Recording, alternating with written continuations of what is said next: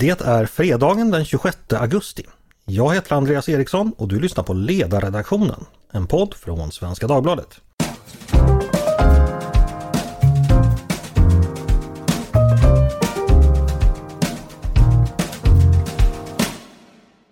Varmt välkomna ska ni vara till oss så här på Dr. Albans 65-årsdag. Eh, Svenska Dagbladets ledarredaktion står till ert förfogande att dissekera och analysera veckan som gått. Denna den tredje sista innan valet. Solens bana må förkortas för var dag nu när vi har nått jungfruns tid, men sommarvärmen dröjer sig kvar. Och som inte det skulle vara nog så stiger den politiska temperaturen dag för dag. Vi ska försöka använda vårt intellektuella kvicksilver för att avläsa den och med vi menar jag mina kollegor i redaktionen, en trio väl valda samtidsspanare, nämligen Pia Klerté, Paulina Neuding och Mattias Svensson. Välkomna! Hej. Tack så mycket! Vilket gäng hörni! Eh, Pia, det här blir det sista du gör på ledarredaktionen för den här gången för din praktik tar ju faktiskt slut nu. Hur ska vi klara oss utan dig tror du? Ja, hur ska jag klara mig utan er? Ja, det är också en fråga förstås. Du, vad väntar härnäst för dig, för din del? Eh, tillbaks till mitt eh, vanliga jobb eh, på mm. eh, det eh, IT-företag som jag jobbar på till vardags. På måndag. Yay! Eh, Vart tar du med dig från den här sessionen hos oss i form av kunskaper och insikter? Jag tar med mig att det stämde precis det som Tove sa att på SvD ledarredaktion har man roligt. Det har vi verkligen. Det faktiskt eh, skriva under på. Det ska också bevisas idag. Eh, Paulina, din praktik är inte riktigt över än. Eh, du får hänga kvar. Mm. Är du okej okay med det? Det går bra. Och hur har din vecka varit? Den har varit bra. Den gick fort. Mm. Mm. Den gjorde det. Du, eh, en fråga. Förra veckan ansåg du dig diskriminerad i vår lilla quizkamp eftersom den handlar om mm. kräftor. Ett djur som Just du av politiska skäl ett djur som du av politiska skäl inte äter. Eh, har du gått vidare med detta till någon institution och anmält det? Precis, nej jag har, jag har hållit vakande öga på dig idag. Och ser Precis, jag, jag, jag, befinner mig under, ja vad heter det sådär när man... I... Medial kontroll. Ja, jag tänker med, med, med, någon professor på något college i USA som har sagt några dumma saker och sen så mm. Ja, får, får man ledningen så, koll på en. Mm. Eh, ja Mattias, du har ju redan börjat snacka fast du inte är tillfrågad. Hur, hur är det med dig? Det är stabilt. Dr. Albans referens. Eh, vilken låt var det som den förekom första gången i? I vilken video snarast? Alltså kom inte det uttrycket senare så att vi pratar Friends in Need här? Mm, mycket riktigt, den låt som, den sommarsingel som Dr. Alban tillsammans med vännerna eh, Björn Borg, eh, Thomas Brolin och jag tror han hette Mattias Frisk, den fjärde okända personen, eh, släppte 1999. Minns du den Pia? Eh, eh, nej. Nej, det ska du vara glad för. Jag är lite Mattias... förvånad över att ni minns faktiskt. ja, men vi, vi minns de mest fasansfulla saker. Så det... eh, Mattias, hur, hur är det med dig? Hur är fredagsfeelingen? Eh, jo då, men det, eh, det är valrörelse, men annars, annars, annars börjar det ordna upp sig. Hörni, vi ska dra igång eh, och ska göra det tyvärr med, med ett allvarligt ämne, ett skakande ämne. Eh, igår nåddes vi ju av beskedet att Centerpartiets partiledare Annie Lööf eh, som det då heter då tilldelats ett målsägarbiträde efter mordet i Visby under Almedalsveckan. Eh, som vi alla minns då psykiatrisamordnaren eh, Ingmarie Wieselgren föll offer för en gärningsman som heter eh, Theodor Engström. Eh, det är alltså då framkommit att den här Engström då även misstänkt för terroristbrott genom förberedelse till mord och måltavlan ska då alltså ha varit Annie Lööf. Alltså det är en, ja, det är oerhört eh, grova och skrämmande saker vi pratar om. Eh, jag vet att vi kan ju inte säga så mycket i sak för att mycket ligger under sekretess men, men ämnet är ändå viktigt så jag tänker att vi ska försöka ändå kommentera det. Paulina, hur har dina tankar gått sedan du har hört talas om det här? Nej men det här är ju skakande. Det, mm. det finns inget annat ord för det. En del säger att vi ska dra slutsatser kring hur vi pratar med och om varandra i politiken. Är det, är det någonting man, du också tänker på? Eh, det, det, man önskar är ju att liksom valrörelsen, det här inte är något som skulle dras in i valrörelsen eh, på, på, på det sättet som man kan se idag i sociala medier, att man gör eh, diverse poänger mot motståndarsidan som jag faktiskt inte ens har lust att upprepa i, i det här läget, utan det, är, det är ohyggligt, det är en del av en, eh, av en större trend mot ett allt mer mm, fientligt eh, offentligt samtal. Mer polariserat, mm. ökad benägenhet till, till våld och hot och så vidare. Och det är ohyggligt att det här drabbar Annie Lööf mm. och att det, eh, ja, att det finns, fick så fruktansvärda konsekvenser i Visby i sommar. Ja, eh, samtidigt ska vi ju då återigen påminna, vi, vi vet ju faktiskt inte särskilt mycket. Eh, att dra generella slutsatser från enskilda dåd kanske inte alltid låter sig göras. Mm. Nej, jag, jag skrev en artikel, alltså, sen så finns det ju liksom en Almedalen-aspekt på det här också som jag tror att man behöver titta närmare på. Alltså det här Almedalen, att man har den här extremt sårbara miljön så som vi har kunnat ha. Där mm. hela det svenska liksom, ledarskapet eh, samlas på en ö i Östersjön samtidigt. Det, i, I många länder skulle man inte kunna göra det överhuvudtaget. Det är en, mm. det är en mm. väldigt riskfylld sak och jag har ofta ställt mig frågan när jag har varit i Almedalen och i Visby, hur länge kan det här pågå? Hur länge kan vi upprätthålla det här? För det är så mm. sårbart. Och, och extremt exponerade är ju politikerna också. Alltså det är korta avstånd både mentalt mm. och, och, och, fysiskt. Och, alltså är det personer som triggas så har du ju liksom från tanke till handling kan det vara väldigt kort. Eh, jo, och jag skrev också specifikt om hur nazister drog igenom Almedalen för några år sedan. Mm. Eh, jag tror att det är tre, fyra år sedan som jag eh, skrev den texten om hur, hur man, man får inte vara naiv kring det här. Nej. Um, Mm. Eh, Mattias, vad, vad gör du av det här? Ja, det är ju eh, eh det, det, förstäm, alltså, det är ju en, en tragik redan i det mord som faktiskt skedde.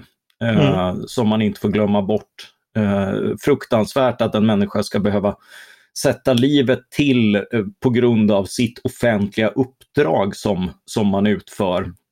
Och, och det blir, men det blir naturligtvis ännu mer chockerande när det kommer till någon eh, som många känner till, som jag känner personligen och sånt där. Det, det, blir, det blir ju närmare då. Eh, mm.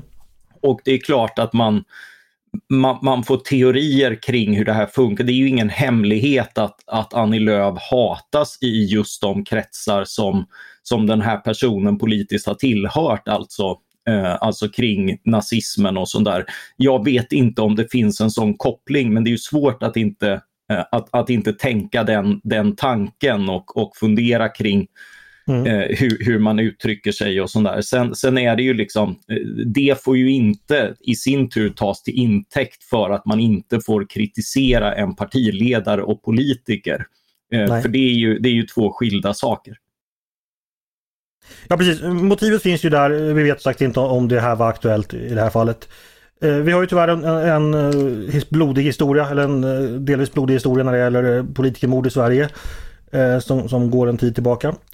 ja, vi kan inte säga så mycket mer om det här. Vi följer det här naturligtvis och att vi är förstås skakade och förstämda. vi ska gå vidare. Tyvärr blev det inte särskilt mycket roligare. Igår, i torsdags, då sköts en man i Haninge söder om Stockholm. Han blev det 47 dödsoffret för skjutvapenvåldet i år. Eh, den 46 sköts ihjäl i Helsingborg lite tidigare i år. 47 döda, då tangerar vi alltså tidigare rekordsiffran för helåret 2020. Eh, fortsätter det så här, eh, vilket väl en del talar för, då kommer vi alltså ha ungefär 50% fler skjutna i år jämfört med, med tidigare rekordår. Det är, en, det är en helt sanslös utveckling som saknar motstycke i andra länder. Pia, du har skrivit mm. om detta i veckan, eh, idag faktiskt, och fokuserat på en eh, kanske mindre omtalad aspekt om dåden, nämligen att så få faktiskt döms för dem. Eh, berätta om ditt budskap idag. Eh, ja, eh, men för, först till den här siffran 47, det är ju helt fruktansvärt. Vi har fyra månader kvar på året och vi har alltså nått eh, eh rekordsiffran som, som var från 2020 och det, det är ju ja, en, en acceleration eh, utan motstycke.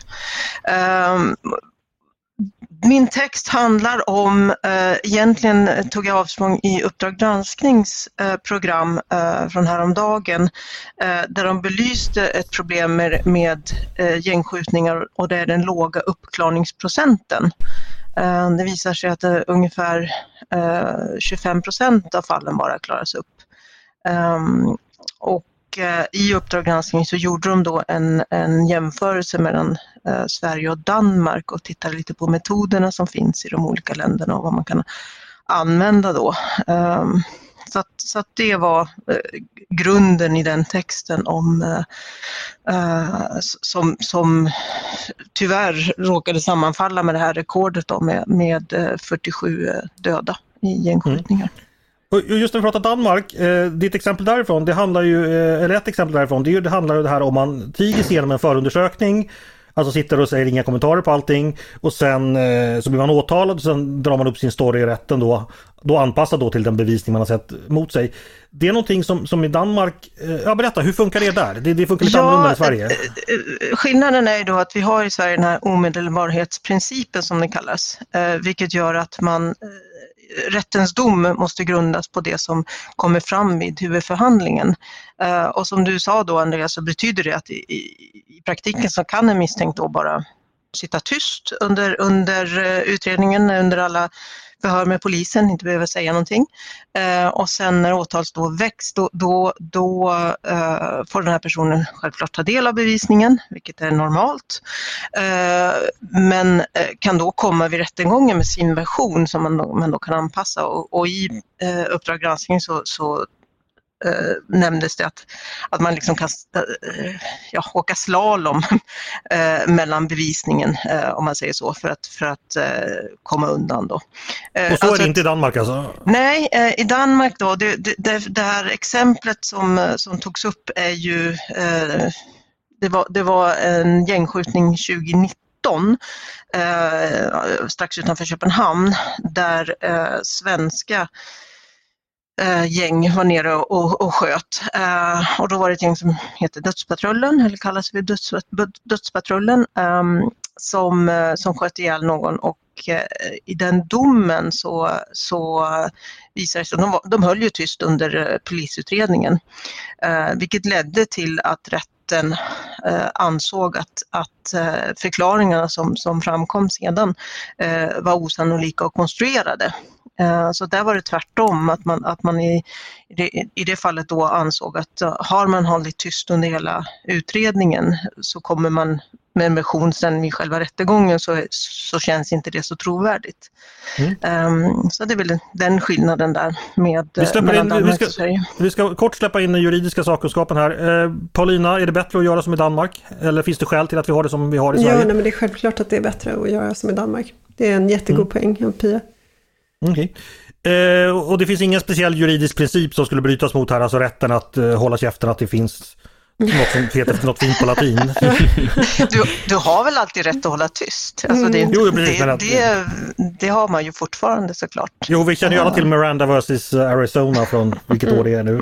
Men, men okej, eh, någonting annat? Du pratar också bevisvärdering. Jag ville bara passa på att sticka in en sak att det här mordet i Haninge söder om Stockholm det firades enligt uppgifter i Expressen på torsdagskvällen med fyrverkerier på, i ett bostadsområde som heter Östbergahöjden. Eh, och det är inte första gången som ett misstänkt gängmord firas på det här sättet i Sverige. Det här är... Nej, det är en gammal fin svensk tradition. Nej, förlåt, förlåt, förlåt. Nej, men det, det, är ju, det här är ju barbari. Mm. Eh, och vi måste faktiskt vända på alla stenar för att eh, ja, inte komma till rätta med det, för det kommer vi inte göra på väldigt lång tid, men eh, för mm. att eh, förbättra situationen så mycket vi kan. Och då har Pia, det som du lyfter fram är jätteviktigt. Pia har fler stenar, för du talar också bevisvärdering Pia. Berätta. Eh, ja, eh, det handlar ju om, eh, just som du sa, bevisvärdering i domstolen då. Eh, för att vi har ju en väldigt viktig princip och det är ju eh, oskuldsprincipen. Det betyder ju att man, man ska betraktas som oskyldig till dess att motsatsen har bevisats. Ehm, det här måste man bevisa då, eh, alltså skulden måste vara ställd bortom rimligt tvivel som det står eh, i lagtexten. Eh, och just det här begreppet bortom rimligt tvivel kan man ju då eh, fundera lite över. Ehm, och eh, i Uppdrag granskning så var det en professor i juridik från Lunds universitet, Christian Dahlman, som, som eh, pratade om precis det här. Eh, och han sa det att, att eh, ofta händer det att man tittar på varje indicium var för sig. Ehm, och då tänker, är det här ett bevis för att, att, eh, att personen är skyldig då? Eh, är det ställt bortom rimligt tvivel för vart och en? Och, och då då kan det ju vara så att nej, det är ju inte var och en, Alltså, tittar man på det enskilt uh, så är det lätt att, att avfärda då eftersom det är inte, just det indicium är inte, är inte tillräckligt. Um, och jag efterlyser då att man, att man tar en uh, ett helhetsgrepp då och funderar på uh, den sammanlagda bilden. Och, och, och, det sa de också i Uppdrag granskning att det, det här är någonting som, som borde göras, att man tittar på en, en, en en helhetsbild och, och är det så att flera indicier pekar eh, oberoende på av varandra då, åt samma håll så, så är det ju matematik. Det, det, det blir ju inte så rimligt eh, med en alternativ hypotes då. Mm. Um. Eh, jag vet ju att det här med, med, med, matematik och juridik, det, det, kan vara farligt. Eh, jag kan påminna då om före detta justitiekansler Göran Lamberts som fick ett stort intresse för sannolikhetskalkyler i samband med den här kvickhistorien. Och jag tror att han med hjälp av sin förståelse för eh, Bayesianska sannolikheter och förstås den ständigt trogne följeslagaren likhunden Sampo eh, till slut kom fram till att Thomas Quick var skyldig till, nu ska vi se här, 99,9999999 procents sannolikhet. Vartefter han ödmjukt förklarade att han inte behövde räkna mera då. Eh, men, men, men, för oss som inte begåvats med Lamberts matematiska förmåga så kan det ju vara lätt att gå vilse i det här. Eh, Mattias, du, du, du är alltid pigg för juridiska spetsfundigheter. Har du någon åsikt här?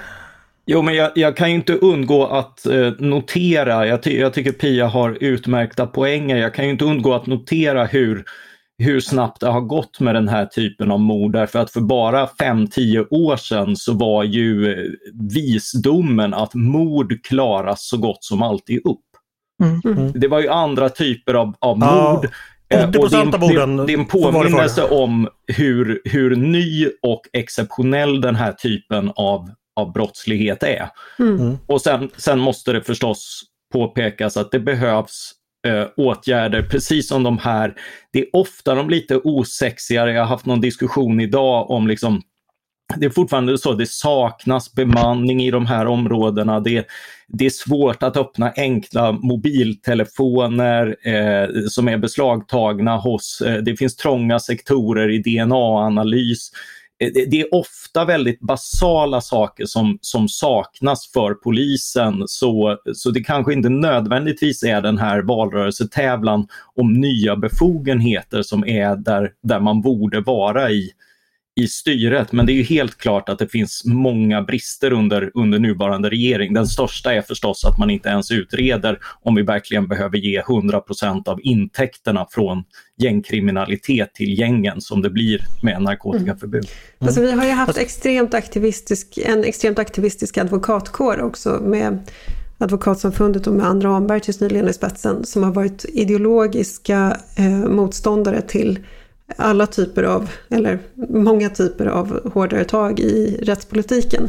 Och där eh, minsta steg mot en normalisering i europeisk riktning har beskrivits som ett hot mot demokratin och ett hot mot rättsstaten. Och när eh, tunga juridiska profiler uttalar sig på det sättet så är ju risken att människor tror att det är så, att det verkligen är eh, rättsstatens undergång om man får en eh, straffrätt som mer liknar till exempel den danska, som Pia då framhåller. Eh, och det, det, det, det, är ju en lite unik situation som har varit i Sverige, just att man har varit så, eh, så extremt radikal i... Eh, ja, man har, jurister har haft en sån extremt radikal röst i debatten. Mm. Jag ska bara säga angående, vi var lite inne på statistik. Jag tror det är så att spaningsmord, det vill säga då där eh, gärningsmannen avviker från platsen, har aldrig haft en särskilt hög uppklarningsprocent i Sverige. Det har aldrig varit så att majoriteten, möjligtvis en ganska stor minoritet av dem har klarats upp. Men, men de här gängskjutningarna är ju spaningsmord eh, vilket direkt gör det mycket svårare.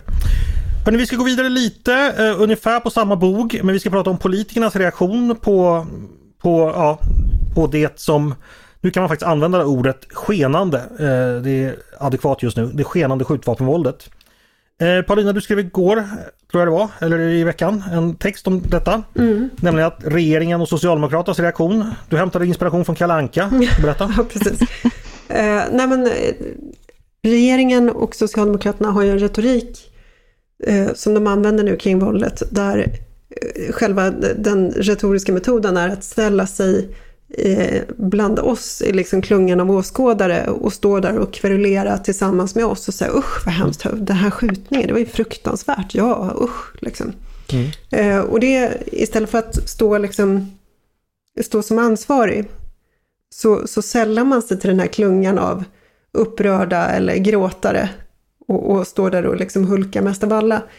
Du måste berätta om kalanka metaforen för den var så rolig. Ja, men jag, jag har gått och liksom tänkt på vad, vad är det för stor roman man har läst, läst det här i? Eller liksom, mm. kanske inte en stor roman, men en roman eller något eh, tv-manus. Där man känner igen det här. Hur, hur liksom mm. någon som är ansvarig för någonting liksom ställer sig på, på, på, två positioner samtidigt som inte går ihop. Mm. Eh, och sen så landar det i att det kanske bara är kalanka på julafton. Ni vet den här hackspetten som kalanka blir så arg på. Eh, Arakuan, djungelns pajas. ja, exakt. Och Kalanka börjar ju banka ner den här hackspetten i marken och så kommer hackspetten att börja banka med. Eh, och sen så bygger de ett hus tillsammans på den och här hackspetten. blir Kalles fru Ja, han blir det är huld, huld hemmafru som står och vinkar av Kalle när Kalle går till jobbet. Och sen så är det liksom kvack, vad var det som hände? Mm. Mm. Eh, och, och det är Magdalena Andersson lite över det att hon knackar ner sig själv liksom och sätter sig i en helt annan position. Ja, exakt. Sen ångrar jag att jag satte rubriken Magdalena Andersson som kalanka. Det, den, det, var, det var en billig poäng. Jag skulle ha skrivit att Magdalena Anderssons retorik är stor litteratur eller någonting sånt. Det var dumt mm. av mig. Men eh, ni, ni fattar poängen. Men, men Paulina, eh, om vi ska återgå till allvaret. Socialdemokraterna gör ju det här i viss mån för att det funkar också. Eh, ja, och, och för att medierna låter dem göra det. Alltså, om man står med en mikrofon riktad mot Magdalena Andersson och hon går in i den där rollen av liksom kverulant eller gråtare. Då tycker jag att man som journalist har skyldighet att göra med och säga liksom, men vänta nu, du kan ju inte stå här och berätta hur förfärad du blir. Det är ju vår det är vårt privilegium, vi som står här och tittar på, vi väljare, vi i allmänheten. Men du kan ju inte ställa dig till oss och stå här och skvallra med oss om hur hemskt det där var. Såg ni det där? Det var ju så förskräckligt. Den, den rätten har man liksom inte, nej men den rätten har man inte som statsminister eller inrikesminister eller justitieminister. Så att de gör det därför att det funkar, men kanske också för att journalister, nyhetsjournalister och utfrågare och så vidare låter dem vara hackspetten som mm. både blir nerbankad och eh, vinkar av Kalle när han går till jobbet. Mattias, nu har Magdalena Andersson blivit kallad gråterska och kverulant och hackspett. Har du någonting att säga till hennes försvar? Det var precis här jag inte ville landa, men ja, ja jag fattar. Ja, eh, jag, jag, skrev ju själv en artikel om, eh, om det faktum att hon eh, ljög i, i sitt sommartal när, när hon gick in på 90-talskrisen som hon tillskrev Moderaternas ekonomiska haveri, vilket, vilket ju liksom sam, ekonomer oavsett om de kommer från S-hållet eller M-hållet eller inget håll alls är att det är ingen rimlig beskrivning av, av 90-talskrisen, vilket jag gick tillbaka till. Eh. Så jag kan, jag kan addera till omdömena men jag går hellre in på sakerna bakom. Ja, Okej, okay. men, men, men det här med att Magdalena Andersson gör så här eller tillåts göra så här. Ja. Eh, du köper den beskrivningen? Så här har ju Socialdemokraterna, det är ju en av deras stora finesser. De har ju alltid varit i opposition mot sig själva. Det är ju varje första maj går de ut och protesterar mot orättvisorna och det spelar ingen roll att de har suttit vid makten i i, i liksom decennier eller som nu åtta år utan, utan det är alltid utomliggande krafter som eh, som hindrar rättfärdigheten från att helt tränga fram och sådär. Så det, det, här, det här är ju en, en socialdemokratisk självbild och, och den, kan man, den kan ju vara lite rar i folkhem-Sverige med, med liksom om, om det handlar om någon ersättning och sånt där. Men, men när det handlar om en framväxande grov kriminalitet som, eh, som behöver åtgärdas och där, där liksom det finns väldigt mycket att göra, då, då blir det inte lika gulligt längre. Men, men vad ska vi göra som borgare då? Ska vi bara sitta bittert och begrunda att så här är det och det, livet är orättvist? Eller finns det någonting att ta vidare från det här? Nej, Eller att det... bara peka på det gång på gång? Ja, alltså jag tycker att det finns jättemycket att peka på. Jag tycker Pia pekar på utmärkta saker som går att göra. Eh, det är inte jätteenkla enkel materia. Det handlar om rättsstaten, den ska man, man vara försiktig med. Men i ljuset av en ny brottslighet så behöver det kalibreras på ett nytt sätt och vi bör lära av andra rättsstater, precis som Paulina är inne på. Vi bör vända på stenarna kriminalisering och legalisering av narkotika. Vi bör titta på vad polisen behöver, inte bara vifta med nya lagar som är gratis och enkelt utan också om det finns flaskhalsar, kostnader i, i vad de har för IT-support och liknande. Alltså ofta är ofta är liksom det mest basala att låta poliser vara poliser och att sätta in dem där det behövs någonting som kan göras betydligt bättre. Och där finns ju en massa forskning och liknande. Så en, så en seriös regering har verkligen väldigt mycket att jobba med. Det är på intet sätt hopplöst. Det var bra, vi avslutar med lite positiv kalufs där. Eh, ni ska dessutom få ett bonusinfo av mig för att nu känner jag att podden behöver muntras upp lite. Eh, han som gjorde den irriterande rösten till den här Arakuan då som Paulina skriver så kärleksfullt om. Han hette Pinto Kolvig. Eh, eller han kallade sig Pinto, det var hans artistnamn. Han var en vaudeville-artist. Eh, han var också den röstskådespelaren som gjorde rösten för bland annat Pluto och Långben i början. Eh, och Arancubas läte den eh, spelade han in och så spelades den upp 25% snabbare för att det skulle bli, bli roligare. Och nu kom bonusinfot. Han var en storrökare som sedan blev en av de första som krävde varningstexter på cigaretterna. Han dog tyvärr redan 1967 i lungcancer, ovetande om att han 50 år senare skulle vara en oundgänglig del av julfirandet i det fjärran Sverige. Oh. Det var, var väl en vacker historia. Mm. Eh, fast tyvärr som sagt eh, rökningen tog honom. Hörrni, vi ska gå vidare. Ännu en text av Paulina. Publicerades, eh, det var kanske den som publicerades igår förresten. Eh, som handlar om surrogatmödraskap mm. och Moderaternas kampanj för att det ska vara tillåtet altruistiskt. Eh, kan du börja med att berätta vad är altruistiskt mm, surrogatmödraskap och vad ska man tycka om det? Ja, säg det. Alltså, det är Öppna Moderater, Moderatkvinnor och MUF som har gjort en reklamkampanj där en massa moderatkvinnor upprepar Jag kan bära ditt barn. Där kanske Jesper kan lägga in en liten ljudsnutt från där. Jag kan bära ditt barn. Jag kan bära ditt barn. Jag kan bära ditt barn. Jag kan bära ditt barn. Jag kan bära ditt barn. Jag kan bära, jag kan bära ditt barn. Det kan man ju tycka är lite lustigt, alltså från att borgerligheten tyckte att det var en hederssak att eh, lämna privatlivet åt väljarna till att man lovar att låta sig befruktas av väljarna. Det är ändå ett ganska stort steg. Men eh, det, och, det handlar om surrogatmoderskap, de kallar det för surrogatvärdskap. Eh, för att liksom riktigt eh, köra ett extra varv på det här Orwellska. Eh, och då skriver jag att varför jag är emot surrogatmödraskap. Och, och varför är du det? Ja, därför att det, man, man brukar, och det här säger moderatkvinnorna också, att det handlar om kvinnans rätt till sin kropp. Mm. Och då menar jag att det finns många fler kroppar och själar inblandade i en sån här situation. Man har den bärande modern, man har barnet, man har sperma, äggdonator, man har de beställande föräldrarna. Och då är det barnet och den bärande modern som är särskilt skyddsvärda. Och vi vet idag att barnet knyter an till mamman redan i moderlivet. Eh, och det var en läsare som skrev till mig väldigt vackert i morse eh, det, det är en kvinna som har burit det här barnet under sitt hjärta i nio månader. Mm. Och barnet söker hennes röst, hennes beröring, hennes lukt eh, vid födseln. Därför att anknytningen redan finns där. Och hon i sin tur, man har, det finns inget sätt att förutse hur kroppen och själen kommer reagera på att, på att bära på ett barn som man sen ska skiljas ifrån.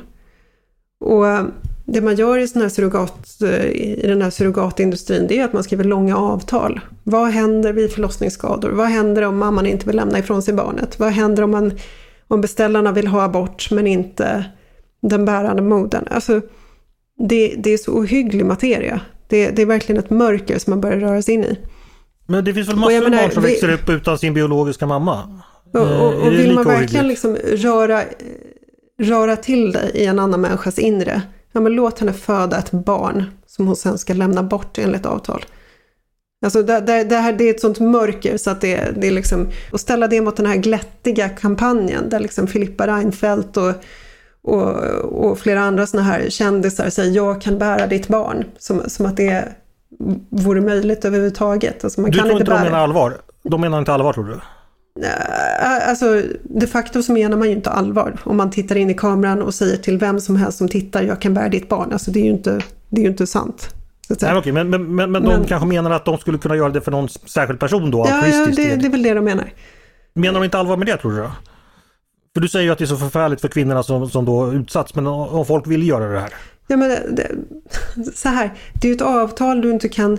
du vet ju inte idag hur din kropp och, och ditt psyke kommer att reagera om nio månader när du har burit det här barnet. Du Mm. vet ingenting om det. Det finns ingenting Nej. mer omvälvande. Det finns ingen mer omvälvande upplevelse för människa än att ha burit ett barn och sen föda ett barn. Och sen att då säga, ja men nu har vi ett avtal att du ska lämna bort det här barnet. Det är inte ditt, Mm. det är någon annans.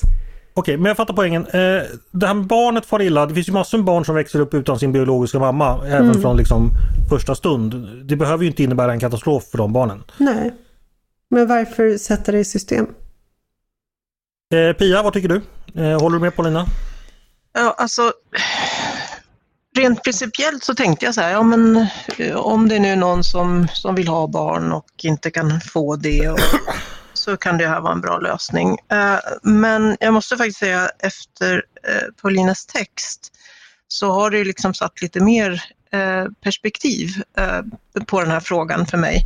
Ehm, och jag tycker det var viktigt att ha med det här barnperspektivet som Paulina pratar om. För, det, för det är någonting som jag tror ofta förloras i diskussionerna. Ehm, den här anknytningen och, och Eh, ja, potentiella saknaden som barnet kan, kan uppleva. Um, sen, sen är det ju alltid, och det säger ju Paulina i sin text också, hon pratar inte om det nu, men hon säger det också, det, det handlar ju om någonstans handlar det ju, även om det här inte, förslaget som kom från Moderaterna är inte, handlar inte om pengar, Uh, utan snarare tvärtom, det, det är altruistiskt, det ska inte handla om pengar. Eh, men vi ser ju där det faktiskt går att, eh, att eh, ja, vad ska man säga, eh, att det här finns redan, de länderna som finns, det, är ju ofta väldigt fattiga länder och det finns ju då en risk att det, att det faktiskt blir en fråga om att, att köpa ett barn. Och det tycker jag man ska vara väldigt försiktig Mm. i. Så att, ja. Jag har lite ändrat uppfattning i frågan kan jag säga efter Paulinas text ska också vara försiktig kanske lite man, hur man uttrycker sig. Det finns ju trots allt en stor mängd lyckliga familjer i Sverige där barn har tillkommit precis på det här sättet. Eh, Paulina, är, är inte det värt någonting eller ska de behöva höra att det de har gjort är är fel och att deras familj är, är liksom resultatet av någonting du beskriver som väldigt destruktivt? Nej, men man fattar ju de beslut man fattar och sen så om andra människor har andra uppfattningar så får man väl, alltså det är ju inte en kränkning av de familjerna. Jag tvivlar inte alls på att det finns jättemånga lyckliga familjer som har blivit till på det här sättet. Men det är fortfarande så att du vet inte hur den där surrogatmodern kommer att må ett år efter att hon har separerats från det där barnet. Det, är- det, är, så, det är så otroligt kraftfulla biologiska processer igång så att det går inte att förutse. Och det, Eh, det där är Mattias? liksom en, en väg jag inte tycker att man ska vandra. Mattias, Paulina, eller Pia övertygades av Paulina. Har du övertygats? Eh, nej, det har jag inte, men det är ju, det är ju viktiga frågor hon tar upp.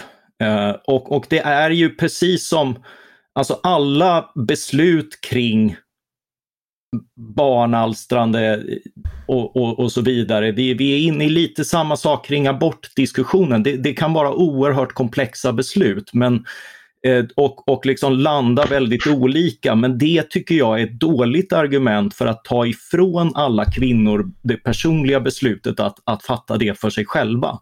Eh, jag förstår att det är väldigt många för vilka det här är fullkomligt otänkbart, men det handlar inte, ett lagförslag handlar inte om att de på något sätt ska tvingas igenom den här processen, utan det här, det här handlar ju om Eh, de, som, de vuxna kvinnor som är beredda att åta sig det här. Och, och där finns ju också i, i den utredning som fanns så var det väldigt märkliga och ganska sökta argument eh, för att inte tillåta det här. För de studier som faktiskt har gjorts, de uppföljningar som faktiskt har gjorts, hittar en majoritet av de här värdmödrarna tycker att de faktiskt bidrar med något vackert. De hjälper till att, eh, att hela familjer och tycker att de har bidragit med något mycket stort. Eh, det är klart att man, man inte kan riktigt veta vad man ger sig in på i, i det här sammanhanget. Där har Paulina rätt. Men, men den risken bör, bör kvinnor få ta och det bör, det bör liksom regleras hur, eh, hur det ska bli. Eh, man, man kan liksom inte vara 100% tvärsäker men att förbjuda det här är ju ett tvärsäkert sätt att hindra människor som vill från att hjälpa familjer att få barn som inte kan få det annars. Och det är ju någonting, någonting vackert och jag tycker inte bara att man ska tillåta altruistiskt värdmödraskap utan också att den som åtar sig det här ska kunna inte bara vara lagligt skyddad och liknande och få göra det under vettiga villkor utan också få en ekonomisk ersättning för det, för min del. Okej. Ja, men det här är jätteintressant för att det Paulina? här, det här är ju det som skiljer. Det finns en jätteintressant forskare som heter Jonathan Haidt som jag tror att jag har pratat om förut som har skrivit eh, en bok som heter The Righteous Mind och han har forskat på hur olika liberaler, alltså progressiva och konservativa ser på moraliska frågor.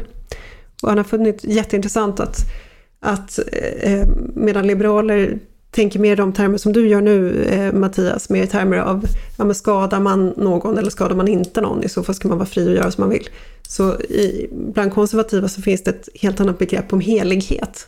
Alltså, och här kommer vi in på liksom moderskapets eh, helighet, eh, det, det heliga i, i relationen mellan mor, och, eh, me, mellan mor och barn. Alltså det, eh, det finns aspekter där som är mer framträdande om man är mer konservativt lagd. Men, men på vilket sätt är det inte en respekt för helighet och familjelivet att hjälpa en familj att bli hel genom att ett efterlängtat längtat barn kan komma till? Mm. Om, om, om det är Mm. så, vilket, vilket trots allt kvinnorna i den situationen har vittnat om att de ser det som, ska Mm. man underkänna den berättelsen eller ska de inte få fatta det beslutet? Eller, alltså, det, handlar, det handlar ju också i båda fallen. Jag, jag underkänner inga farhågor och jag tycker Mm. att det är väldigt viktigt att att ha en levande diskussion om vad kan gå fel? Vad kan hända som, som du inte kan förutse? Inte, jag, jag delar liksom kritiken mot att göra något eh, pajigt och, och enkelt av beslutet men jag tycker ändå att det måste få finnas. Okej, släpp in Mm. Mattias, äh, Paulina igen. Nej, men jag, precis, nej, jag underkänner inte det och jag förstår precis vad du menar. Men å andra sidan att gå emellan, för, för barnets del så finns det ju inga beställare, inga donatorer, det finns ju bara en mor. Återigen, man, man har... eh, eh, Och, och liksom att gå, gå emellan mor och barn och separera dem och säga att du ska vara någon annanstans därför att det finns en beställare här som har betalat för dig. Eller inte betalat Fast- för dig. Men vadå, är du emot, är du emot adoptioner också Paulina? Eller det, det blir väl samma sak där? Hur då menar du att det är samma sak? Ja, adoptioner, att eh, folk adopterar bort sina barn, då skiljs man ju också från den biologiska modern. Inte det ja, samma och det, det är ju absolut inte önskvärt att det ska vara så. Nej, Om, om det inte föreligger liksom risk för att barnet misshandlas eller rå, råkar väldigt illa ut eller att det finns, alltså, ja, på men det dock så sker det ju hög utsträckning och det är ju ingenting vi... Ja, men det är ju inte det ideala. Här handlar det om att lagstifta och möjliggöra någonting som, som det, det är väldigt svårt att acceptera. Att man skulle gå in och säga, ja men här har vi ett avtal. Mor och barn ska skiljas åt på den och den dagen efter, efter förlossningen. Och har eh, modern fått förlossningsskador så gäller följande. Och vill hon inte göra abort och beställarna vill göra abort, då är det abort som gäller. Eller så, eh, alltså, det, det finns så mycket i det där som är så, man rör sig i marker där man inte ska vara överhuvudtaget. Pia, nu har du fått höra både Mattias och Paulina. Har, eh, har du ändrat uppfattning eller är du fortfarande på Alltså huvudsakligen jag, Paulinas jag är sida? Schweiz i den här frågan, känner jag. Ja. Inte Sverige längre, men Schweiz. Eh, Det är nej, större alltså, anledning att ju- lämna det till var och en. Ja, jag tror jag. att det är eh, en väldigt komplex fråga. Mm. Och jag tror att det är viktigt att titta på självklart alla aspekter i det hela. Och, och ja, syvende och sist så kommer det att vara varje situation kommer att vara unik i det här fallet Mm. också, för så är det. Men vi verkar gör? överens om att pajigheten passar inte här i alla fall. Nej, vet ni vad vi gör? Vi tillsätter en utredning. Eh, Paulina och Mattias får sätta er i ett utskott. Eh, samman, sammansatt Fast, av... fast jag vill ändå, alltså man, man kan klaga på tonaliteten och sådär, det kan man alltid i politiska budskap, men i grunden så är jag glad att Moderaterna driver den här frågan. Det, det, det gör mig verkligen varm om, eh, om hjärtat, därför att jag tycker att det är en viktig frihetsfråga som hjälper människor att fatta enskilda beslut och, och kan hjälpa familjer att, att bli hela och barn att födas till föräldrar som välkomnar och älskar dem. Den lilla, den lilla bebisen kommer söka sig till eh, surrogatmamman. Så att om, om bebisen får välja så är det där eh, han eller hon kommer att vara. Om vi pratar valfrihet. Vet vi detta i samtliga fall? Ja, det är det barn gör. De knyter an till mamman under graviditeten och så är det dit de söker sig. Till henne de söker sig. Mm. Mm. Hörrni, eh, det, vi ska gå vidare. Eh, ett allvarligt ämne som vi, som jag brukar säga, säkert kommer återkomma till. Eh, och nu när vi går vidare, då är det dags för Mattias att gå upp i heta stolen. För nu ska det handla om ekonomi. Eh, Paulina, så du kan gå iväg och ta lite kaffe. nu, nu blir det killfrågor. Ja. Eh, det är faktiskt en grej som vi ligger liksom, eh, lite efter med. Vi hade tänkt med att ha med den förra veckan men då fick vi faktiskt inte plats med det. Men det var nämligen så att jag tyckte Mattias skrev en väldigt klok text eh, just då förra veckan då den gick under rubriken viktigast, eh, eller ingressen löd så här, viktigast under kommande år blir att kunna säga nej till nya politiska utgiftsförslag. Och det är inte så populärt att säga nej utan de flesta politiker säger ja med anledning av de tider vi lever i. Men varför är det viktigt att hålla igen nu Mattias? Eh, därför att, eh, av, av, flera skäl. Där, där, dels därför att eh, eh, bara att uppfylla det man redan åtagit sig från offentligt håll. Eh, och där har vi nyss varit inne på behovet av brottsbekämpning. Vi behöver ett starkare försvar eh, och eh, fler äldre kommer att försörjas av färre yngre i demografin. Till det har vi inflationen nu som är hög och det gör att konsumtion av samma offentliga tjänster som tidigare kommer att kräva mer pengar.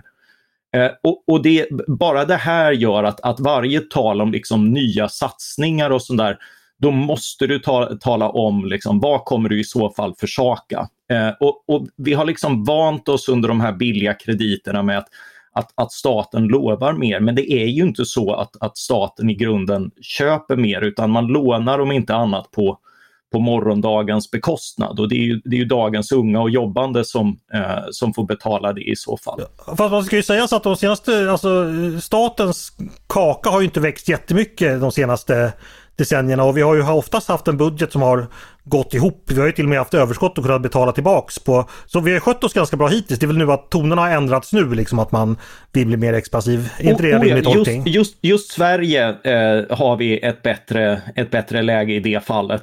Eh, vi har ju då privat skuldsättning men det är, det är ju liksom penningpolitiken är lite ett ett annat avsnitt. Men, men det har varit liksom en, en tendens på sistone. Vi, vi tenderar att få in den från andra länder. Jag tror pandemin inte minst gjorde mycket för att det blev bekvämt att i, i det utsatta läget och, och, när det är så gott som gratis att låna att, att spendera mer än man, man finansierar med och alla fick dutta ut åt sitt håll.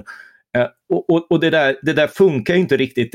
Vi såg under pandemin också vad man gjorde var att stoppa pengar i hål. Eh, man, lät, man lät liksom kollektivtrafiken köra runt fast den var tom och nästan ingen åkte för att, för att hålla systemen igång. Det var inte så att vi fick mer för de pengarna utan vi skuldsatte oss till eh, till en kostnad för att, för att hålla verksamheter på ungefär samma nivå som de är i, i normalfallet. Och på samma sätt så har vi nu en problematik där vi börjar märka redan att eh, att, att skattebördan är påtaglig för att finansiera den stora stat vi har. Det har också varit lätt i de här goda åren att tänka liksom, folk säger jag, jag betalar gärna mer skatt. Eh, det är inte lika många som, som snobbar med det där längre när, när man börjar märka att eh, elräkningen drar iväg, eh, bensinkostnaderna drar iväg och en hel del av det är för att det här har varit eh, tacksamma skatteobjekt. Det är ju så att, att priserna har gått upp för att eh, utbud och efterfrågan ser så ut. Men det är också så att, att priserna accelererar på grund av olika statliga taxor och, eh, och att staten har haft det här som tacksamma eh, skatteobjekt. Eh, och, och, det är en påminnelse om att, att liksom en, en, stor stat kan aldrig finansieras genom annat än en stor skattebörda på vanligt folk. Det är inte någon annan eller de rika som, som betalar de här skatterna utan, utan det, det är vi alla. Du, eh, sätter det här lite historiskt perspektiv. Eh, från 90-talet så lärde vi oss vikten av det här med budgetdisciplin och att hålla koll på kostnaderna och så här, för det fick vi betala dyrt den gången. Nu har det gått 30 år, det är en helt annan generation som styr politiken. Är det lite gamla lärdomar som vi håller på att tappa bort och håller vi på att göra liknande misstag igen? Kan man tolka utvecklingen så? Ja, det är många som har varnat för 30-talet på grund av identitetspolitiska skäl och liknande. Jag, jag tror att risken att, att vi skulle hamna där är, är, är ganska liten, vilket eh, gudskelov. Eh, men däremot 70-talet, eh, där, där man hamnade i just den här problematiken, skenande eh, skuldsättning, skenande inflation, Eh, och då är det lätt att bara hamna i det här jagandet av hur ska vi kompensera, hur ska vi göra något åt det här, vad, vad funkar för stunden? Och det blir nästan alltid kontraproduktiva åtgärder som priskontroller och annat och till slut står man där med, med företagsakut och, och skenande skuldsättning och kompensationskrav från alla och så börjar du gå dem till mötes och ju mer du går dem till mötes desto mer kostar det och desto mer brinner inflationsbrasan. Det var det vi upplevde under 70 och 80-talet och det blev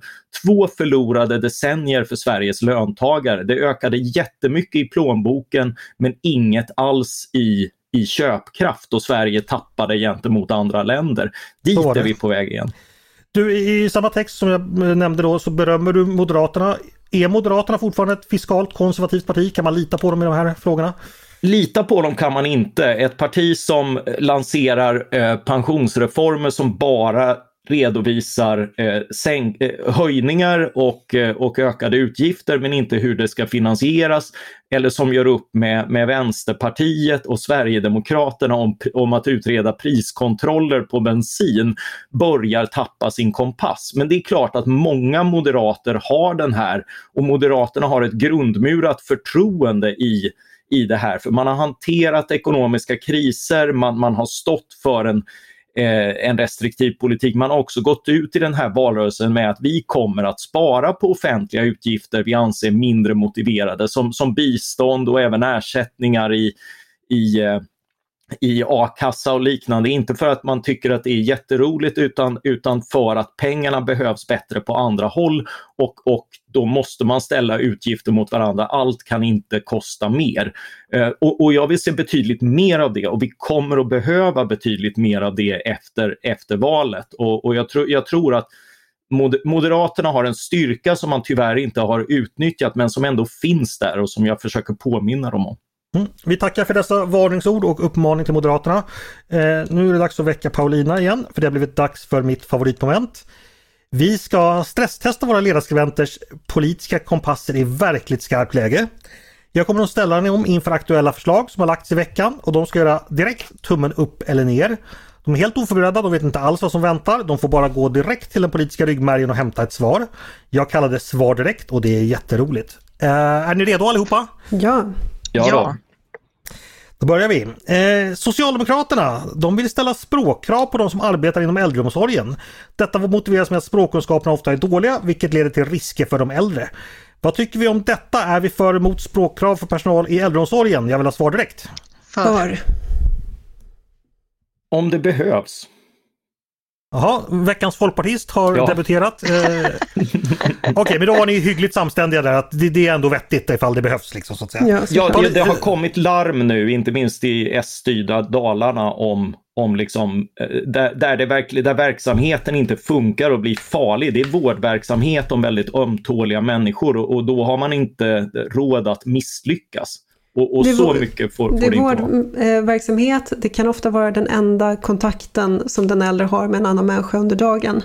Och det här mm. är en bransch som behandlas som någon slags integrationsverktyg. Och det får det inte vara, utan det här, är, det här är en viktig verksamhet och det ska skötas av människor som är lämpade för det, både i fråga om eh, språkkunskaper och i övrigt. Mm, toppen! Vi gör alltså tummen upp för Socialdemokraternas förslag. Eh, bra jobbat där Magda! Då går vi till Moderaterna. Eh, de vill ta bort möjligheten att få uppehållstillstånd av det som kallas särskilt ömmande omständigheter. Eh, det är en möjlighet som finns i utlänningslagen idag. Det rör sig alltså om folk som ja, får, får en extra möjlighet om man saknar asylskäl men exempelvis har en stark anknytning till Sverige. Den möjligheten vill alltså Moderaterna ta bort för vuxna. Vad tycker vi om detta? Är vi för eller emot? Jag vill ha svar direkt. Jag vet inte hur vanligt det är att det används. Det är ungefär 800 som har fått det senaste året. Mm. Förmodligen så är det vettigt. Okej, vad sa du Pia? Jag sa för. Du vill ta bort det? Eh, Mattias, vill du ta bort det? Jag är emot. Emot? Jag, Eh, jag, alltså det, det är som sagt särskilt ömmande skäl. Det är inte en stor grupp. Det är inte här problemen finns utan, utan då, då är det bra att behålla den möjligheten. Det är, det, det är inte här det, det liksom strömmar in okontrollerat. Pia, varför vill du, tycker du det är vettigt att ta bort den här möjligheten? Nej, jag, alltså, utan att ha någon större kunskap i ämnet så, så känns det fortfarande så att eh, om man inte har några asylskäl eh, då, då tycker jag inte att man ska, man ska kunna få uh, uppehållstillstånd. Pia, du är inte riktigt färdigbakad ledarskribent än hör jag. Det spelar absolut ingen roll att man inte har några kunskaper. Man ska Nej, uttala ja, sig förlåt. man ska uttala sig med ett käckt självförtroende Just det, just ändå. det. Just det. Ja, sorry, vänta, vänta, Ja. jag ska ställa om hjärnan här. Självklart Okej. så ska vi ta bort det här. Ja. Mycket bra. Eh, då fortsätter vi. Eh, Socialdemokraterna och Moderaterna bör överväga en stor koalition. Det föreslår statsvetaren Olof Ruin på eh, SVDs debattsida. Argumenten är sammanfattningsvis att läget är allvarligt och kräver kompromisser. Vad tycker vi om detta? Är vi för en, eller mot en stor koalition? Jag vill ha svar direkt. Absolut emot. Mot. Mot i det här läget. Ja, men du öppnar ändå för, för att det ska bli så så småningom Mattias. N när är Pol- politik är det möjligas konst och det, det här är inte ovanligt i andra länder. Men eh, det, är, det, det kommer att ske till ett högt pris och därför är jag emot så länge som möjligt.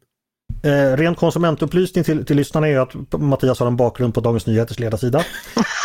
eh, Det, det Carolina- här brukar dock vara Dagens Industris käpphäst. Eh, näringslivet har en fetisch för det här och gamla statsvetare. eh, Paulina, du var väldigt skarpt emot. Varför?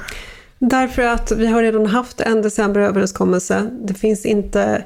Det finns få tydligare sätt att uttrycka väljarförakt än att säga men om ni vill ha något annat då går alla vi ihop som ni och, och, och, och, går ihop i en kartell. Så som vi pratade om förra veckan. Nu ska vi väl säga att decemberöverenskommelsen var ju en uppgörelse som handlade om att oppositionen frivilligt satte sig på avbytarbänken eh, Mm. snarare än att alla samarbetade och utformade en gemensam politik. Ja, Okej, Ja, hörni, mm. vi, vi tar den sista. Eh, jag tror ni kommer vilja diskutera den också. Eh, alla män och kvinnor som mönstrar och bedöms lämpliga ska göra tre månaders grundläggande militär utbildning. Detta föreslog Liberalerna igår.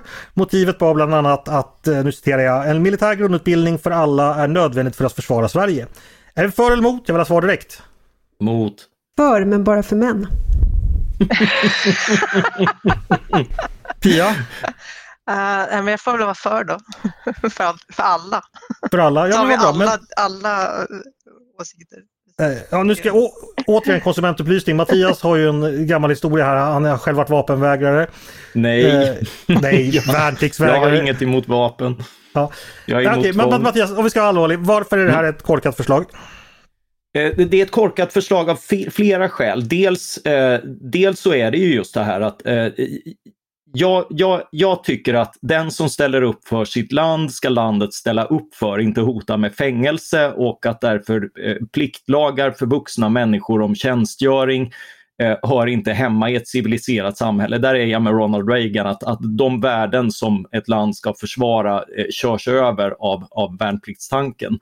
Eh, men jag kan ändå förstå de som anser att, att ja, Sveriges geografi med, med eh, glest befolkat och liknande, att, att, att, att det helt enkelt är ett nödvändigt ont. Eh, där försvarsbehovet styr eh, och, och liksom att, att, att man behöver en, en försiktig rekrytering som, som man liksom utformar för, för, för att fylla spetsbehov i försvaret.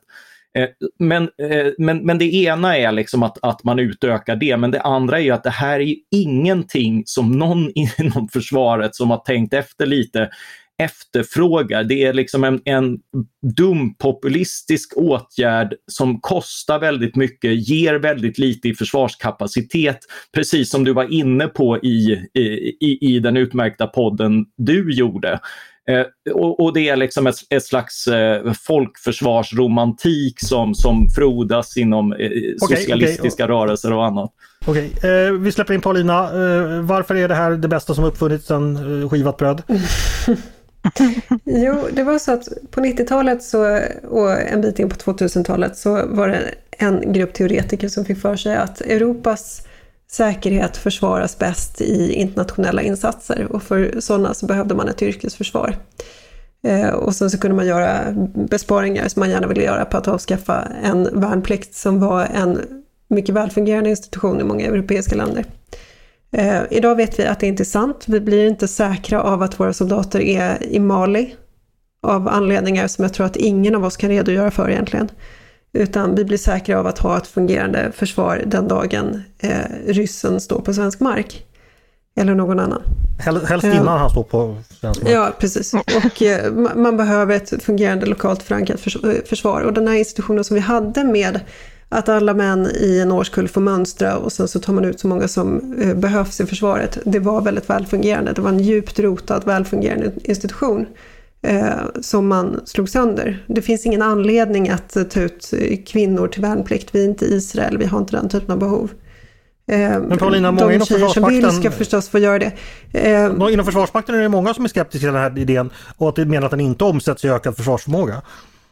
Ja, men det är klart att det finns skilda uppfattningar om det där, men det, alltså, det, det, här är så intressant, för att det här som Mattias sa om att i ett civiliserat samhälle så kan man inte ha värnplikt. Och där tror jag att vi, eller där vet ju vi sedan flera år att vi har väldigt olika uppfattningar. Jag, jag ser det som att liksom, den här diskussionen, det är lite av en pojkrumsdiskussion att prata om värnplikt som slaveri. Alltså, eh, har vi inte en stat som kan försvara sig så är den typen av diskussioner bara seminarieövningar. Det är liksom en sån här grundläggande sak. Det är precis som att vi det, det är jätteroligt att diskutera huruvida skattestöld, men i verkligheten, i realiteten, när vi har ett samhälle, eh, så, så har vi vissa plikter gentemot varandra och en sån plikt som är grundläggande är värnplikten.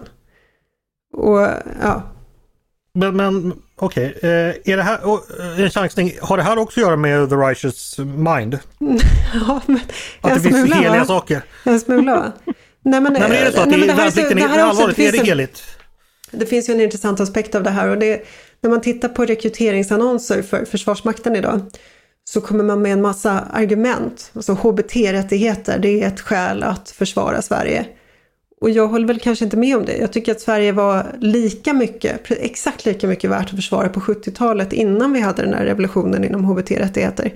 Därför att det handlar om eh, vårt liv, vår avkomma, vår rätt att leva i fred och frihet på, eh, i landet Sverige. Eh, och jag tror att man tappar bort sig lite när man börjar så här med långsökta förklaringar till varför vi överhuvudtaget borde försvara oss. Så ja, där finns det okay. lite righteous mind, absolut. Uh, Mattias, det var mycket som Paulina sa.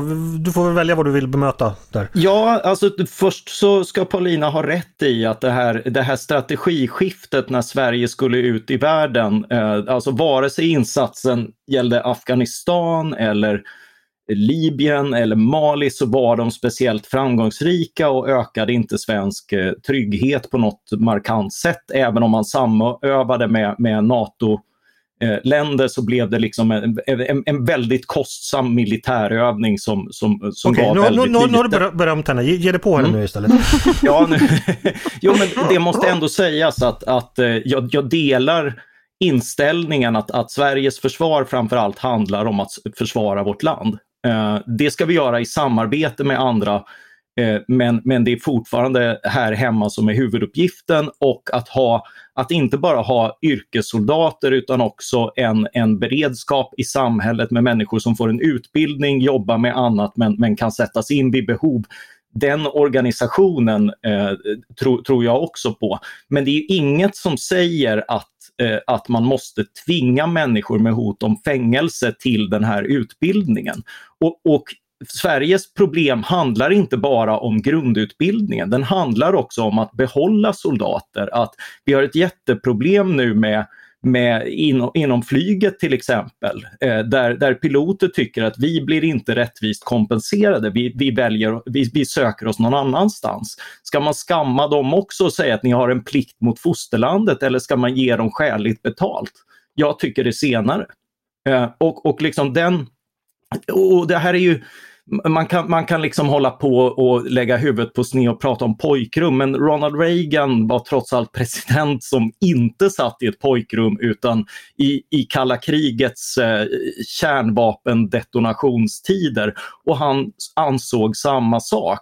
Och det är många länder som har löst sina försvarsuppgifter utan det här tvånget och sett ett värde i att lösa det på annat sätt. Jag tycker också så, man kan tycka olika om det, men det är liksom inget av det som handlar om om, om, om rena seminariekonstruktioner. Sen kan man ha en uppfattning om vanlig enkel anständighet.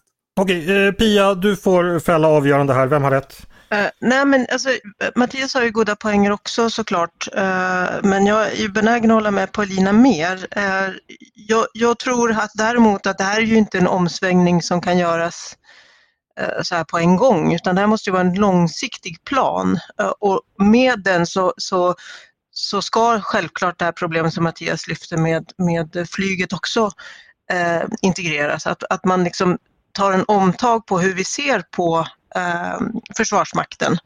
Eh, att, att, det, att Försvarsmakten blir på modet igen lite grann. Eh, för det tror jag vi har förlorat. Det är inte längre, känns inte längre som att, att, att uh, att vi tycker att det är en liksom, naturlig del utan, mm. utan det har varit lite på undantag. Uh, så att en, en värnplikt, allmän värnplikt är ju en del av det också, att man, att man tar med Försvarsmakten in i värmen igen på något vis. Nu Precis, men jag, jag, håller helt, men... jag håller helt med. Så det, det upphör att vara en gemensam angelägenhet och blir verkligen ett särintresse när det bara är en Ja, ja det... precis. Men, men det... det... där stämmer ju inte riktigt för vi har, alltså det är betydligt fler som söker sig till, till liksom de tuffaste utbildningarna i Norrland idag än vad staten kan utbilda. Det är jättekö till, till hemvärnet, människor vill hjälpa till. Varför jobbar man inte med människor istället för, för men, men det... att anta att alla måste tvingas för att något ska hända? Det, det, är jättebra Mattias, men jag tror att på lång sikt så måste det till ännu mer. Och om vi inte har tillräckligt många platser för att utbilda de som faktiskt vill, eh, då tror jag där man måste börja. Man måste, man måste satsa mer på att kunna utbilda fler. Okay. Ja, där tycker jag också vi ska börja att, eh, snarare med en, en, med en idé, en, en liksom skrivbordskonstruktion nej, ska... dragen ur röven om att alla ska göra. Alla ska med. ja, nej, det måste vara precis. långsiktigt. Det måste vara, det måste okay. vara en långsiktig plan och det ska leda till att, att eh, det är en allas angelägenhet helt enkelt. Andreas, ska vi komma till den bästa filmen på internet snart? eh, den, kan, den ska vi faktiskt höra på nu. Rent definitionsmässigt så borde det ju knappast råda något tvivel om att värnplikt är slaveri. Därför skulle jag vilja ta tillfället i akt att vända mig direkt till försvarsminister Anders Björk. Hur i helvete kan du sitta och administrera detta slavsystem? Och det, där, vi hörde, där hörde vi alltså då eh, Mattias för snart eh, 30 år sedan är det väl, nämligen mm. Moderaternas partistämma i Sollentuna 1993 där han gick till storms mot försvarsminister Anders Björk. Om jag fick frysa tiden... Ja, det var slutet på min politiska karriär. Om jag fick frysa tiden någonstans så skulle det vara där. När det var liksom ett gäng valpar som gick upp i talarstolen och blev skarpt och ordentligt tillrättavisade av de vuxna i rummet som ja. sa hur det skulle vara. Det var vackert. Hörrni, Detta är Moderata samlingspartiets partistämma. Hörni, hörni. Eh, Inget vi ska gå vidare. Moderaterna där inte. Vi ska påminna bara om eh, det Mattias sa, den podden han, han refererade till. Det var en podd som spelades in och sändes igår. Då Allan Widman, som då är upphovspersonen till det här förslaget med tre månaders värnplikt för alla, eh, diskuterar just det med ledarsidans kolumnist eh, Patrik Oksanen som inte är helt nöjd. Eh, den kan man gå in och lyssna på, där får ni massor med ytterligare argument. Men nu ska vi gå vidare till kvällens, eller dagens, sista moment. Vi skyndar oss på här för snart stänger bolaget. Eh, det heter, det är ett av mina favoritmoment faktiskt och det heter Är du smartare än en ledarskribent? Då kommer jag ställa våra panelister inför tämligen triviala frågor kring tidens ämnen och ni där hemma ska vara med. Eh, svarar ni snabbare än Peter och Paulina och Pia, då är ni helt enkelt smartare än en, än en ledarskribent och kan gå omkring och skryta om det. Peter är inte här. Mm, Mattias är Mattias Peter är inte här och kan försvara sin titel. Jag hade översatt Vi är manuset alla fel. snabbare än, än Peter idag.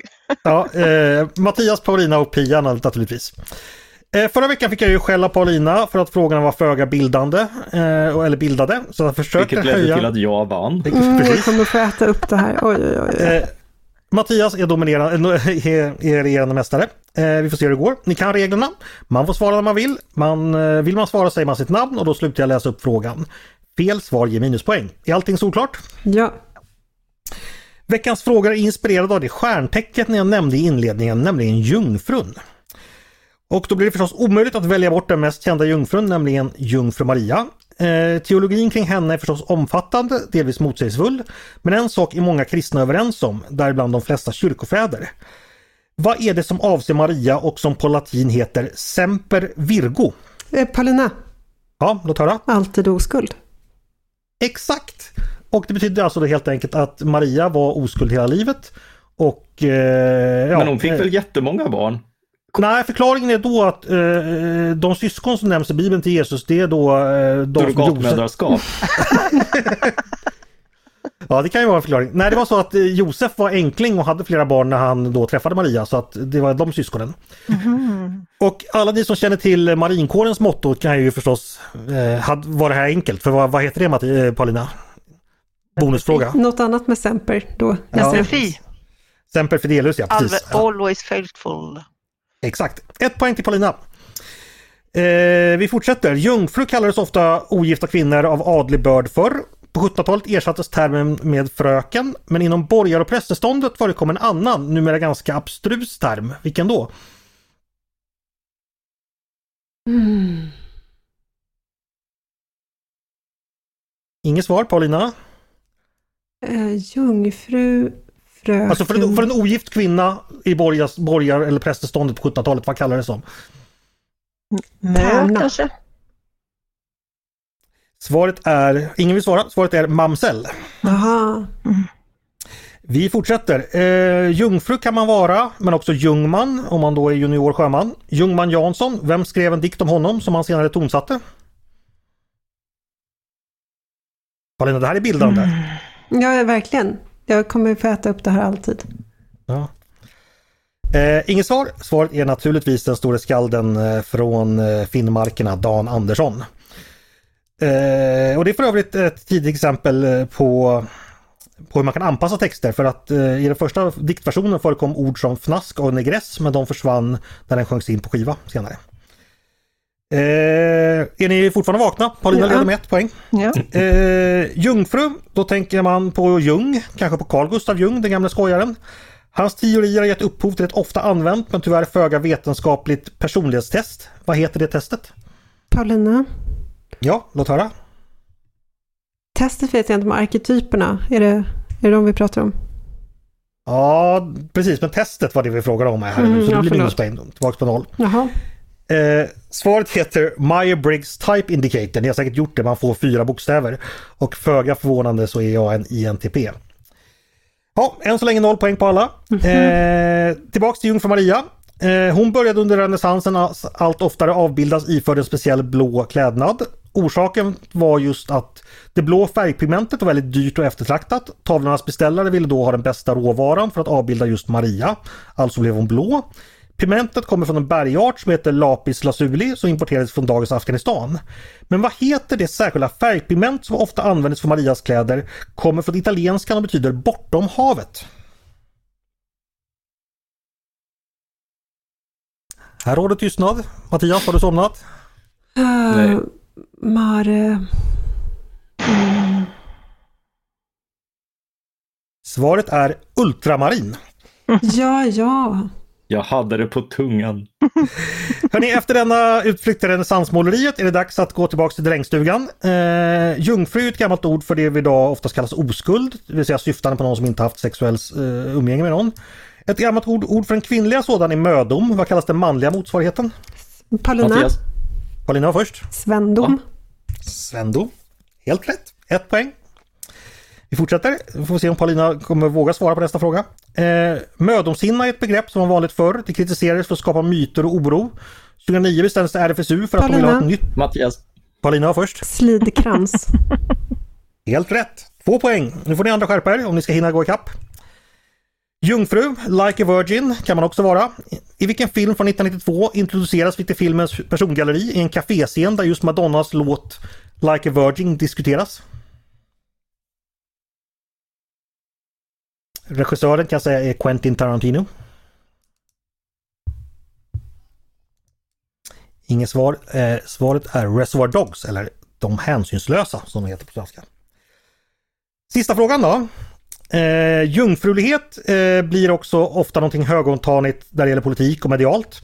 Ett exempel är det amerikanska fenomenet att ha så kallade purity balls. Evenemang där unga kvinnor lovar sina pappor att avstå från sexuell samvaro. Fenomenet kan spåras tillbaka till en familj i Colorado Springs som arrangerade den första så kallade Purity Ball. Vilket år var det närmast vinner? Året för den första Purity Ballen alltså. Mm. Ja. Jag har fuskat och startat sist så jag börjar, jag säger 1982. Mm. Pia och Paulina, någon av er som Då vill? säger jag 1967. Och Pia slutligen? 1995. Snyggt Pia! Det är faktiskt så, så nytt som 1998 faktiskt. Eh, och det ska sägas att det här med Purity Balls, det, det, det är en ganska vanlig anklagelse att det är inte så spritt som det Att det är mer ett marknadsföringstrick från den här familjen då som just säljer Purity Balls. De heter Wilson från övrigt. Och det är liksom deras marknadsföring som säger att det finns i alla delstater och väldigt mycket överallt men det finns egentligen inga bevis för det. Men det har ju blivit en medial framgång ändå. Då slutade Paulina på två poäng, Pia på ett poäng och Mattias på noll poäng. Grattis Paulina! Tack så mycket. Ja, nu nu blev jag diskriminerad när det gällde bildningsfrågor och sånt där. Det... Hörni, eh, ja just det, vi har ju vår lilla avslutning också. Eh, en liten rundfråga då redaktionen får tipsa er lyssnare om något trevligt. Eh, svara spontant på en lättsam fråga. Veckans fråga rör förstås valrörelsen. Eh, det är bara två veckor kvar snart. Hur ska man följa den? Eh, man ska förstås läsa Svenska Dagbladets ledarsida och vår politikbevakning och lyssna på våra poddar. Men bortsett från det, har ni några andra guldklimpar i, i nyhetsflödet som ni brukar använda för att hänga med? Eh, allting från Twitterkonton till poddar till tidningar till enskilda reportrar, vad som helst. Vem vill börja? Mattias? Oj, eh, eh, jag, jag, tycker, jag tycker att det blir så mycket att eh, jag har inte tänkt på, jag, jag har snarare tänkt på eh, att, man, att man får in av. mer än man hade velat Mm, ha. Eh, men men Twitter, Twitterflöde och, och sociala medieflöde gör ju att man, man sällan missar något eh, av, av det stora. Okej. Eh, Pia, du då? Har du någon tips? Eh, nej, jag hade nog sagt Twitter jag också faktiskt. Eh, Mm. Rent generellt, inte, inte något specifikt konto men, men det är ett bra medium för att se vad som händer. Paulina slutligen då? Har du Nej, men jag, jag säger samma sak. Jag får min nyhetsbevakning från Twitter. Så jag säger något helt annat. Jag håller Ja, på att okej. läsa en bok som jag tycker alla ska läsa. Jag är lite Mm. sen. Jag är Zlatan av David Lagercrantz är jättebra. Mm, vad roligt. Eh, förlåt att jag är sen. Men jag upptäckte det nu i alla fall. Sen på bollen. Ja, verkligen. Har du läst den Mattias? Eh, nej, men jag har lyssnat på delar av den. Det här är ju ett skämt i Solsidan. När, när eh, Felix Herngrens grannar ska visa hur obildade de är så säger han så här, har du läst den boken? Så säger han, grannen så här, nej då, jag lyssnar. Okej, ni lyssnare fick fantastiska tips på hur man ska följa valrörelsen. Man ska läsa om Zlatan och man ska gå in på Twitter. Eh, jag ber hemskt mycket om ursäkt för detta. Nästa gång ska jag förbereda, Och lyssna på förbereda panelen bättre. Man, man, man ska förstås botanisera, eh, göra som vår kollega Torbjörn Nilsson och botanisera bland gamla valvakor. Det kan man göra. Det finns för både på Youtube och på SVT Play tror jag man kan titta på. Ja, Hörni, eh, Pia och Paulina och Mattias, nu sa jag rätt. Eh, tack för idag hörni, vad snällt att ni ville komma och prata med mig. Tack för att vi fick komma. Det Tack var det var stabilt. Det var stabilt. Och grattis Dr. Alban på 65-årsdagen. Och tack till er som har lyssnat också på Ledarredaktionen, en podd från Svenska Dagbladet. Ni är varmt välkomna att höra av er till oss på redaktionen med synpunkter och tankar på det vi har precis diskuterat. Eller om ni har idéer och förslag på saker vi ska ta upp i framtiden. Då är det bara att mejla till ledarsidan snabel svd.se. Producent det är den stackars Jesper Sandström som Paulina omedelbart kommer skicka mest till nu om vad som ska klippas bort. Eh, och jag heter som vanligt Andreas Eriksson och jag hoppas som vanligt att vi hörs igen snart.